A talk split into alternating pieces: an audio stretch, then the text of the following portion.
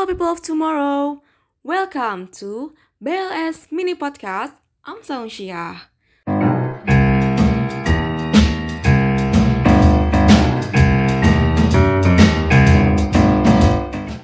Tahukah kamu apa itu gawat darurat?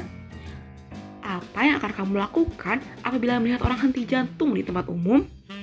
Nah, pertanyaan-pertanyaan tersebut akan dibahas lebih lanjut pada BLS Mini Podcast Series 1 Gawat darurat di tempat umum Hands-on di PCR dengan pemateri Dr. Panji Anugrah Nah, sebelum kita mulai, di sini saya akan membacakan beberapa informasi dari CV beliau jadi Dr. Panji Anugrah merupakan pria kelahiran Takengon pada tanggal 12 Agustus tahun 93.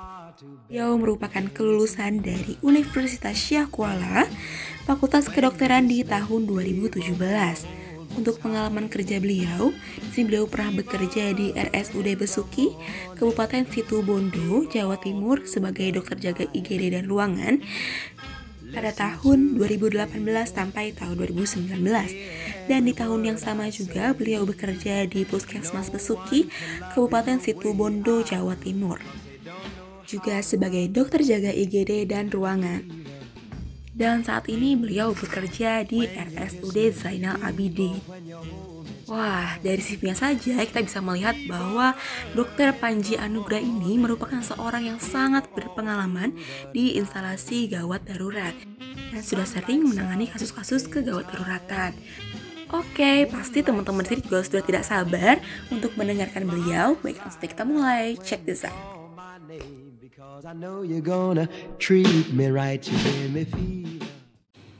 Assalamualaikum warahmatullahi wabarakatuh.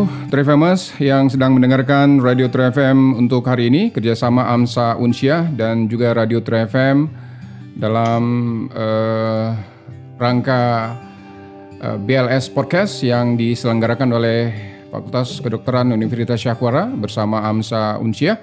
Dan hari ini kita akan bincang-bincang menyangkut penata laksanaan penderita gawat darurat Nanti apa dan bagaimana, apa yang harus dilakukan nanti Bersama kita sudah hadir Dr. Panji Anugrah ya, Dr. Panji Anugrah yang bertugas di Rumah Sakit Zainal Abidin ya, Dokter ya. Oh, iya, iya. Ya, Assalamualaikum Dokter Panji. Waalaikumsalam warahmatullahi wabarakatuh. Ya, dokter adalah uh, alumni dari Universitas Syah Kuala yang sekarang berkecimpung dalam bidang medis. Dokter, kalau kita melihat sekarang ini dokter ya, bagaimana kondisi uh, dari uh, rumah sakit ini dulu dokter nih dalam uh, uh, pa, uh, fase pandemi ini dokter yang dokter lihat dalam uh, normalnya dokter? Hmm, ini dalam hal yang sekarang kondisi rumah sakit sekarang iya, ya? iya rumah sakit ini. Gambarannya saja dokter bagaimana?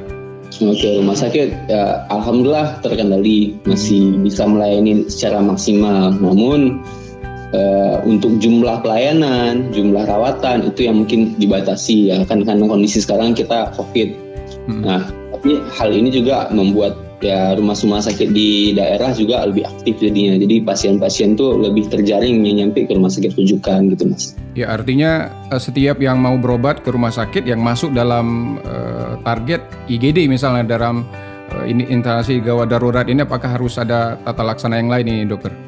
Oh ya, ini yang karena peraturan terbaru kita memang yang IGD itu wajib di uh, swab baik itu rapid antigen atau swab uh, untuk PCR. Nah ini kan juga uh, tujuannya karena kita di IGD kan kita pasiennya nggak nggak bisa tebak dari mana. Nah itu tujuan melindungi pasien yang lain, melindungi dokter yang kerja, melindungi tenaga medis yang lainnya juga, termasuk melindungi alat-alat dari kontaminasi uh, yang lagi viral nih virus COVID-19. Ya. Itu berapa lama dokter rentang rentang dari uh, penata laksanaan itu dari uh, tes sampai ke uh, hasil? Oke, okay, sebenarnya sih kalau rapid sekarang kan kita pakai itu rapid antigen ya. Yeah. Rapid antigen tuh kalau dilakukan nggak lebih dari 20 menit. Mungkin hmm. persiapannya 5 menit dan menunggu hasilnya itu 15 menit karena dia cepat hasilnya. Sedangkan untuk yang swab misalnya dikonfirmasi rapid antigennya positif nih. Nah, hmm. kita akan ada namanya konfirmasi ulang dengan swab. Hmm. Hmm. Jadi perbedaannya adalah kalau swab itu yang melihat DNA-nya, eh, RNA dari virusnya itu, hmm. itu butuh waktu satu kali 24 jam. Hmm. Nah, karena memang kondisi kita rumah sakit rujukan itu satu di Aceh, jadi ya mungkin uh, ngantri di pelayanannya, mungkin di registrasinya, mungkin ada terlambatnya di situ. Tapi untuk full pelayanannya sebenarnya cepat sih. Di bawah satu jam seharusnya kita sudah bisa uh, dapat poinnya. Ini termasuk kepada penata laksanaan penderita gawat darurat, dokter. Nah, pada penelitian pada penderita gawat darurat kita bukan tujuannya rapid dulu. Di situ kita ada perbedaan lagi. Hmm. Jadi pada penderita gawat darurat, jadi kan uh, saya jelasin PPGD itu hmm. uh, ada beberapa orang bilang namanya itu ada penanggulangan penderita gawat darurat, ada bilang penata laksanaan penderita gawat darurat, ada yang bilang pertolongan pertama gawat darurat. Intinya PPGD itu adalah menyelamatkan jiwa. Hmm. Nah, kalau pada kondisi COVID seperti sekarang ini kan kita uh, untuk menyelamatkan atau membedakan ini pasien yang akan uh, kalau nggak ditolong secara teoritis akan meninggal, sedangkan pasien yang base uh, tidak tolong secara teoritis akan bertahan. Nah, itu namanya ada triase. Triase ini di itu yang memilah pasien hijau, pasien kuning, pasien merah, pasien hitam. Nah, grade-grade itu itu yang akan menentukan kita melakukan PPGD atau melakukan tes swab dahulu. Nah, pada pasien-pasien hijau itu biasanya dilakukan rapid antigen dulu. Namun bukan artian pasien datang ke IGD kemudian tidak diapa-apain di rapid dulu. Nah, tapi tetap dilaksanakan penata laksanaan oleh uh, dokternya, oleh perawatnya, namun di ruangan luar karena ruangan tunggu seperti tenda-tenda itu depan IGD, dia belum bisa masuk ke dalam rumah sakit. Tapi untuk penelaksanaannya sama tetap menjalankan prinsip-prinsip PPGD. Hmm. Nah, ini sejauh mana mereka harus mengerti tentang PPGD untuk pasien ini, dokter? Dan bagaimana kita menjelaskan PPGD ini sama dok sama pasien, dokter?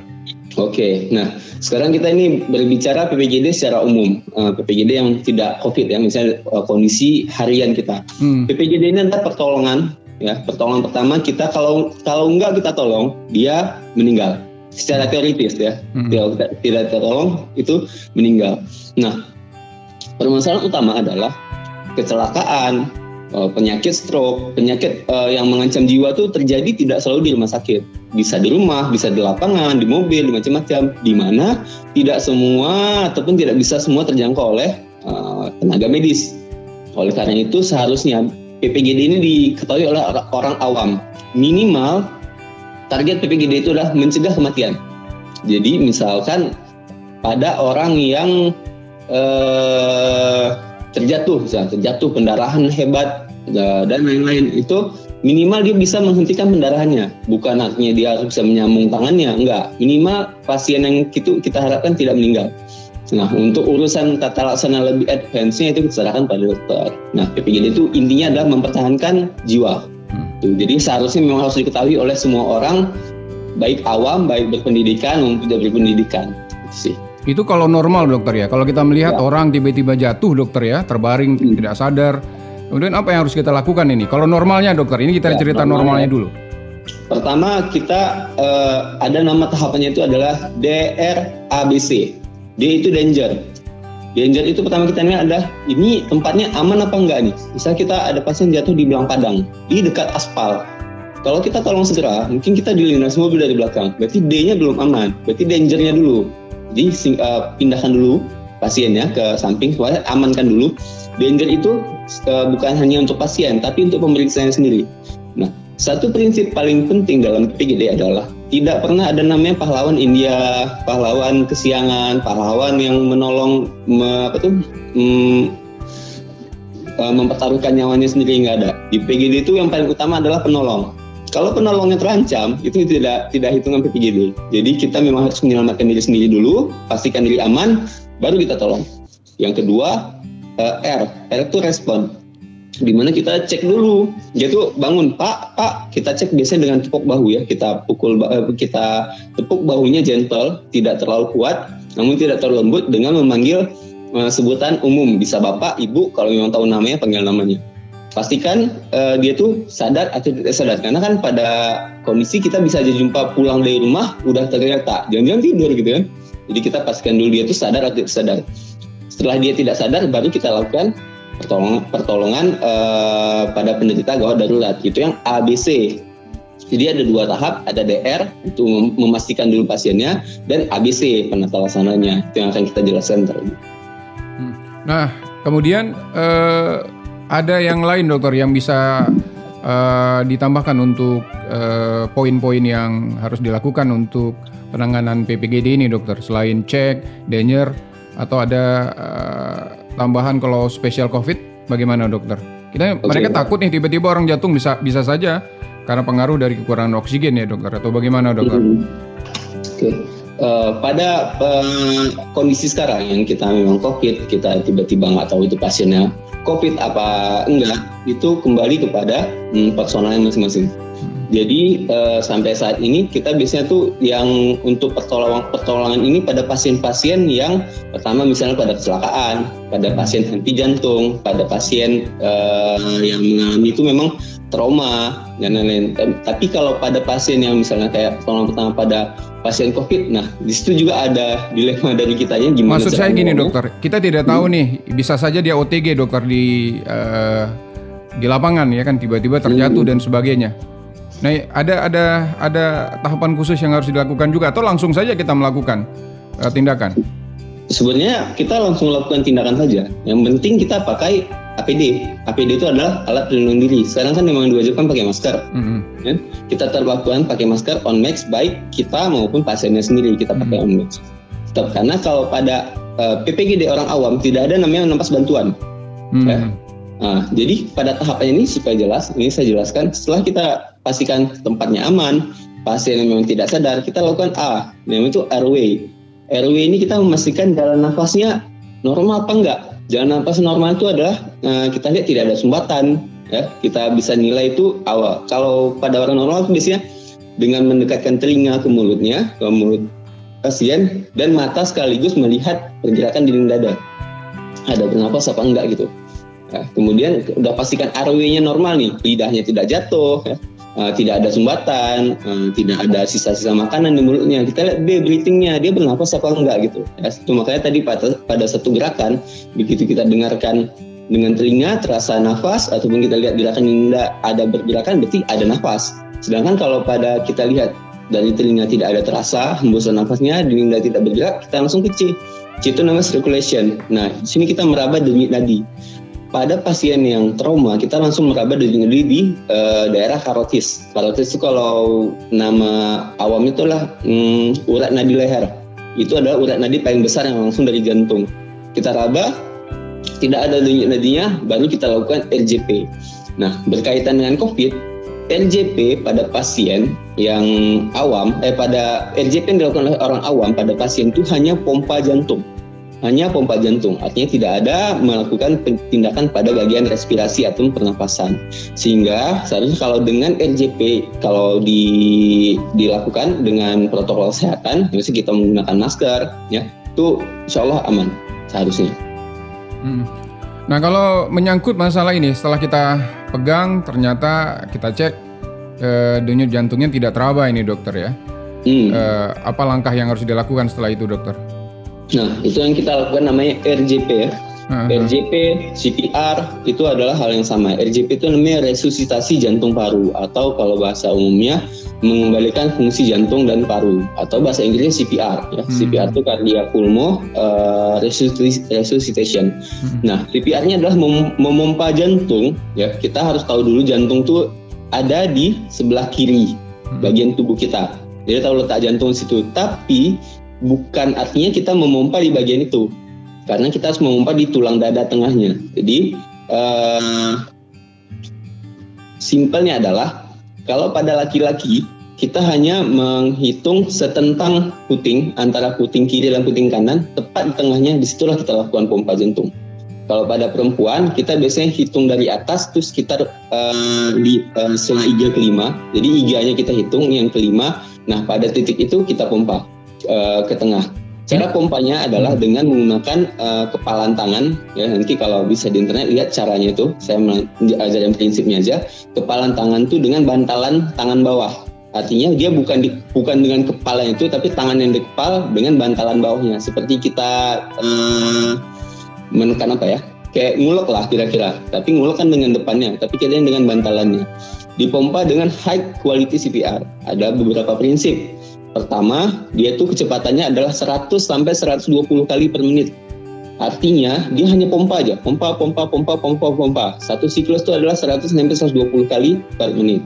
Kemudian eh, dia eh, harus kedalamannya 5 cm karena jantung itu dia seperti pompa, seperti bola, ya, bola yang ada berisinya cairan. Di pompa dia akan kembali lagi, pompa akan kembali lagi. Kalau mungkin kita pernah lihat seperti kita pernah mengsquishy balon, nah seperti itulah mirip jantung juga. Mekanismenya adalah pompa. Yang ketiga adalah harus pastikan dinding dananya kembali sempurna. Jadi begitu kita pompa jantungnya, kita tekan ke bawah, kita harus mengembalikan dindingnya itu seperti semula supaya suplai darah itu masuk lagi ke dalam jantung dan terpompa kembali ke dalam pembuluh darah. Jadi prinsip uh, fisika uh, prinsip fisikanya itu uh, seperti prinsip pompa biasa, pompa mesin biasa ya. Kita tekan, kita lepas lagi namanya recoil, tekan, lepas lagi, tekan, lepas lagi. Dan semua dilakukan dalam interupsi. Itu namanya high quality CPR. Pada orang awam yang penting 100 sampai 120 kali pompa terus, pompa, pompa, pompa, pompa, pompa sampai pertolongan datang ataupun pasiennya dinyatakan meninggal. Nih. Kalau kalau itu kan e, dilakukan oleh yang profesional dokter. Ini hmm. boleh dilakukan oleh orang-orang yang memang satu saat dia berada di lokasi ini dokter. Hmm. Nah ini yang saya bilang. Ini adalah kita belajar adalah BLS awam. Nah pada orang profesional dia beda lagi e. Dia ada dengan bantuan nafas artinya dia bisa menggunakan pompa bagging namanya itu uh, ya pompa bagging nafas uh, kemudian dia diselangi di pompa jantung dan diselangi oleh pompa, uh, pompa nafas. Sedangkan pada orang awam dia tidak. Dia hanya pompa saja. Jadi kalau di luar negeri BLS ini adalah salah satu BLS dan first aid ya pasangannya. Ini adalah salah satu kurikulum yang diajarkan di SD hingga sekolah uh, sekolah menengah ke atas SMA jadi semua orang di luar negeri itu udah awam dengan BLS sudah tahu, oh BLS sudah tahu, ataupun PPGD itu sudah tahu. Jadi ini bisa dilakukan oleh semua orang, semua kalangan, uh, semua usia dewasa. Kenapa saya bilang usia dewasa? Karena anak-anak belum mampu tubuhnya untuk melakukan uh, eh, PPGD, tapi uh, minimal mereka sudah tahu prinsip. Jadi ini bisa diajarkan ke semua orang. Nah ini kalau kita melihat uh, kepada orang yang uh, tidak uh, bisa dilakukan ini, bagaimana? Apa kriteria khusus, uh, dokter? Oke, misalnya kita ini kapan kita lakukan ini inti jantung nih. Kapan kita lakukan RJP, kapan kita tidak lakukan RJP. Pertama, kalau uh, yang kita tidak lakukan dulu ya, kita tidak bisa melakukan RJP pada satu tadi yang tempatnya tidak aman. Yang kedua, ada penolakan dari keluarga sekitar. Keluarga itu ada yang melakukan memang keluarga dari kandung dia penolakan. Tapi itu juga kita harus jelaskan dulu. Kalau ini tidak ditolong, ini akan kemungkinan meninggal karena bisa kita lakukan uh, kita berikan data riset. Riset di Indonesia kalau dalam 10 menit kalau dalam bentar, kalau dalam 10 menit kita tidak tolong, oke. Okay, eh, dalam 5 menit kita tidak tolong, 45% itu meninggal. Itu 5 menit. Kalau udah 20 menit uh, itu udah 95%. Tuh. Kalaupun kalau di luar negeri itu 10 menit itu uh, ada kemungkinan 90% bisa kembali. 30 menit kemungkinan tuh 50% bisa kembali. Nah itu harus kita jelaskan juga kalau pada keluarga tetap nggak mau, ya nggak bisa kita lakukan karena itu udah penolakan dari keluarga. Yang kedua uh, dinyatakan meninggal tuh uh, dinyatakan meninggal ada beberapa tanda.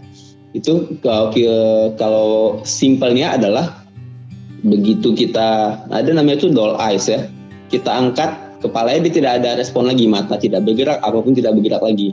Dan biasanya itu kalau sudah dilakukan LJP lebih dari 15 menit ataupun lebih dari 20 menit itu biasanya dinyatakan meninggal.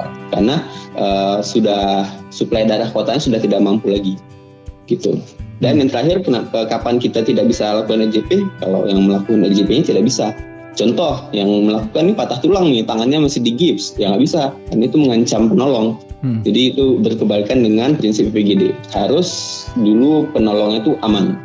Ya, artinya orang-orang yang tidak mempunyai keahlian khusus termasuk yang tidak boleh menolong, dokter. Nah ya, kalau yang belum pernah melakukan pelatihan PPGD itu nggak boleh menolong, tidak boleh menolong karena bisa membahayakan. Contoh yang saya bilang tadi, kalau dia pompanya di dinding dada tengah kita pernah rasa ya dada di tengah kita tuh ada dinding yang datar tulangnya datar di situ tempat pompanya begitu dia tidak ngerti dia bilang di jantung dia pompa di jantungnya rusuknya patah tusuk yang patah bisa menembus ke jantung, malah lebih bisa membahayakan. Hmm. Jadi harus bersertifikat. Yang yang menolong ini bersertifikat. Kalau pelatihannya biasanya ada sering dilakukan tuh BLS. BLS itu sering dilakukan di masyarakat-masyarakat. Jadi minimal sudah pernah ikut pelatihan, itu sudah bisa boleh menolong. Kalau boleh. teknik yang lain dokter, kalau tidak ada orang yang mampu melakukan itu dan ini kejadian di lapangan dokter, di orang, di kondisi di mana tidak ada yang bisa melakukan RJP, apa yang harus mereka lakukan untuk melihat pasien yang dalam kondisi yang seperti yang kita gambarkan tadi? Oke, okay. nah, tadi saya lupa pertama itu adalah kita meminta pertolongan tadi. Jadi sebelum kita minta hmm. uh, pastikan tempatnya aman, uh, sebelum kita pastikan pasien itu kita minta tolong dulu. Hmm. Nah, jadi pastikan uh, pastikan aman, pasien pasiennya tidak sadar, kita minta tolong, ya. Jadi kita minimal tuh minta tolong tuh adalah ke nomor uh, ambulan di Banda Aceh. Hmm. Coba saya survei rata-rata orang Aceh nggak tahu nomor ambulan emergensi di Banda Aceh. Hmm nomornya kalau uh, kita sebut tuh namanya uh, kita panggil 22118 ya 0651 22118 itu adalah nomor emergensi di uh, Banda Aceh. Nah minimal kita minta tolong. Nah tidak bisa minta tolong ke ke ambulan, kita minta tolong ke orang yang sekitar. Tolong panggilkan tenaga medis. Ya. Jadi kalau kita misalnya nggak bisa nggak tahu siapa bisa ke Pak RT, bisa ke siapa pun, intinya kita tidak boleh sendiri. Dalam keramaian kita menolong sendiri nggak boleh minta tolong. Jadi kalau tidak ada yang punya skill untuk menolong tetap tunggu bantuan ya. Kalau pada penataan ini ada namanya first aid ya. First aid itu kita bisa misalnya dia pingsan bisa kita naikkan kakinya pastikan nafasnya jalan. Tapi kalau pada PPGD itu berbeda prinsipnya. Karena karena kalau pada pasien tidak ada denyut nadi itu pernah lihat video-video di internet yang dia tiba-tiba henti jantung, sikunya dipukul, ataupun ada kakinya yang dicubit, macam-macam ya, ada yang siram air. Itu secara medis semua teoritisnya salah. Ya. Hmm. Tidak ada satupun yang bisa uh, mengembalikan secara sempurna dengan teknik-teknik tersebut. Sudah ada pembukti, pembuktiannya oleh penelitian-penelitian. Hanya bisa dilakukan oleh uh, pompa jantung. Ya, kalau ciri dari uh, berhasil yang kita lakukan RJP ini apa, dokter? Nah, ada namanya itu ROSC. ROSC itu adalah return uh, of spontaneous circulation. Jadi di mana dia itu kembali lagi uh, jantungnya, berdenyut lagi. Biasanya itu kembali lagi nafasnya. Hmm. Dia akan menggerang ataupun dia akan me, apa namanya hmm, menggerakkan tangannya ataupun hmm. dia akan merasa kesakitan. Itu tanda-tanda ROSC. Ya kepada pada orang-orang yang sangat lemah kondisinya, ROSC memang agak agak sulit terdeteksi. Namun kalau kita pompa terus jantungnya, uh, minimal kita ada namanya siklus. Maka saya bilang tadi setiap satu siklus 100 sampai 120 kali kita mengecek, cek lagi nadinya ada apa enggak. Kita pompa lagi nggak ada, cek lagi nadinya. Nah pertanyaannya apakah kalau kita tuh harus full 100 100 dulu baru kita cek? Enggak. Misalnya di 72 tiba-tiba dia udah teriak ah gitu. Stop. Langsung stop. Langsung posisikan uh, pasiennya senyaman mungkin ya kepalanya lebih tinggi daripada jantung untuk eh, kepala lebih tinggi eh, kakinya lebih tinggi daripada jantung untuk memaksimalkan sirkulasi ke kepala. Ya ini kalau kita lihat dari uh, tingkat keberhasilan selain takdir dokter, berapa persen kira-kira dokter RJP ini? Ya. Oke, itu nanti saya bilang kalau kita menolong di bawah 5 menit itu 45 persen dia kembali. Hmm, hmm. Kalau dia kita menolong di bawah 20 menit itu 5 persen kemungkinan kembali. Hmm. Itu uh, lima menit dari henti nafasnya ya, hmm. henti nafasnya. Kemungkinannya cuma segitu karena uh, ada beberapa case yang lumayan unik di mana kita tolong RCP jantungnya kembali. Namun karena sudah terlalu lama, ya, terlalu lama, jadi mati batang otak. Jadi pasiennya itu bergantung pada alat. Kan ini biasanya nanti kalau udah ditolong, dibawa ke rumah sakit, dipasang ventilator, alat bantu nafas dan alat-alat lainnya, pasiennya terlihat bernafas. Ya dari dari orang awam melihat pasiennya bernapas kok anak saya bernapas kok. Kok dibilang meninggal? Yaitu karena kita terlalu lama menolong otaknya terlalu lama tidak masuk oksigen dinyatakan MBO jadi kalau di kedokteran tuh mati itu bukan hanya henti nafas mati itu bisa namanya itu mati batang otak. Jadi dia itu tidak bisa bernafas spontan lagi. Tidak bisa sendiri bernafas harus dibantu oleh alat. Mm-hmm. itu kalau di kedokteran sudah dinyatakan meninggal. Mm-hmm. ada pernah kendala yang pernah dokter hadapi saat uh, dokter melakukan RJP dokter Oke, okay, uh, eh, selama Pengalaman. ini saya sudah melakukan sekitar 15 kali mungkin ya menolong yang RJP baik saya selama di rumah sakit maupun di uh, isip istilah intensif saya. Hmm. Kendalanya adalah begitu kita pelatihan pakai boneka hmm. itu mudah, sangat-sangat mudah. Rasanya, oh kita bisa tolong aja nih nggak masalah. Hmm. Begitu kita ketemu pasien, kita tuh penuh tekanan. Di mana keluarga yang ngeliatin, keluarga ada yang terisak nangis, ada yang goyang-goyangin badan, dan kita juga cemas, kita panik. Dada itu tidak semu, se, tidak semudah memompa dada karet di boneka, manekin ya bahasanya, licin. Jadi kalau kita bilang mompa itu di latihan gampang, dia hari apa tuh di pasien es itu sangat susah licin dan sangat keras. Jadi kalau kita bilang dada kita tuh kuat, memang sangat kuat. Jadi begitu saya pompa, ada yang satu ROSC, kembali lagi off lagi jantungnya, ROSC sekali lagi, akhirnya tetap meninggal. Jadi selama 15 itu saya belum dapat menemukan yang benar-benar fresh. Freshnya artian saya kelihatan jatuh dan saya tolong. Enggak, kebanyakan tuh sudah di rumah dulu, sudah di uh, tata laksana oleh keluarga dulu dengan sendiri dan baru dibawa ke bagian instalasi gawat darurat sehingga sudah terlambat sebenarnya makanya hmm. kalau saya bilang pengalaman untuk ROS itu belum banyak hmm. tapi ya itu kendala itu memang tensionnya beda ya kan kita kalau memang latihan sama hari hari itu beda karena mainannya nyawa gitu iya Dokter ini perlakuannya sama tidak dengan bayi dan anak-anak dokter RJP? Nah, khusus pada bayi dan anak-anak. Kalau pada anak-anak kita masih bisa menggunakan satu tangan. Pada orang dewasa kita menggunakan dua tangan khusus pada bayi kita menggunakan jempol. Jadi kalau kita lihat uh, kita pegang bayi kayak pegang bayi biasa menggendong biasa, tangan kita di tangan jari-jari kita 9 eh 8 di belakang punggungnya dan dua jempol di depan menekan jantungnya. Oke, jem, dua jempol itu pada bayi bayi yang sama bayi yang baru ya, benar-benar baru. Itu perlakuannya beda. Nah, tapi tetap 5 cm ataupun 2 2 setengah inci uh, kedalamannya untuk memompai. Pada bayi lebih kecil lagi, pada dewasa itu yang 5 cm. Uh, cm. Ya, dokter, ada uh, hal yang perlu dokter sampaikan bagaimana uh, kepada masyarakat ini yang harus diwaspadai dan uh, harus dijadikan sebagai uh, langkah awal uh, sebelum melakukan tindakan yang lain ini dokter untuk kesimpulan kita.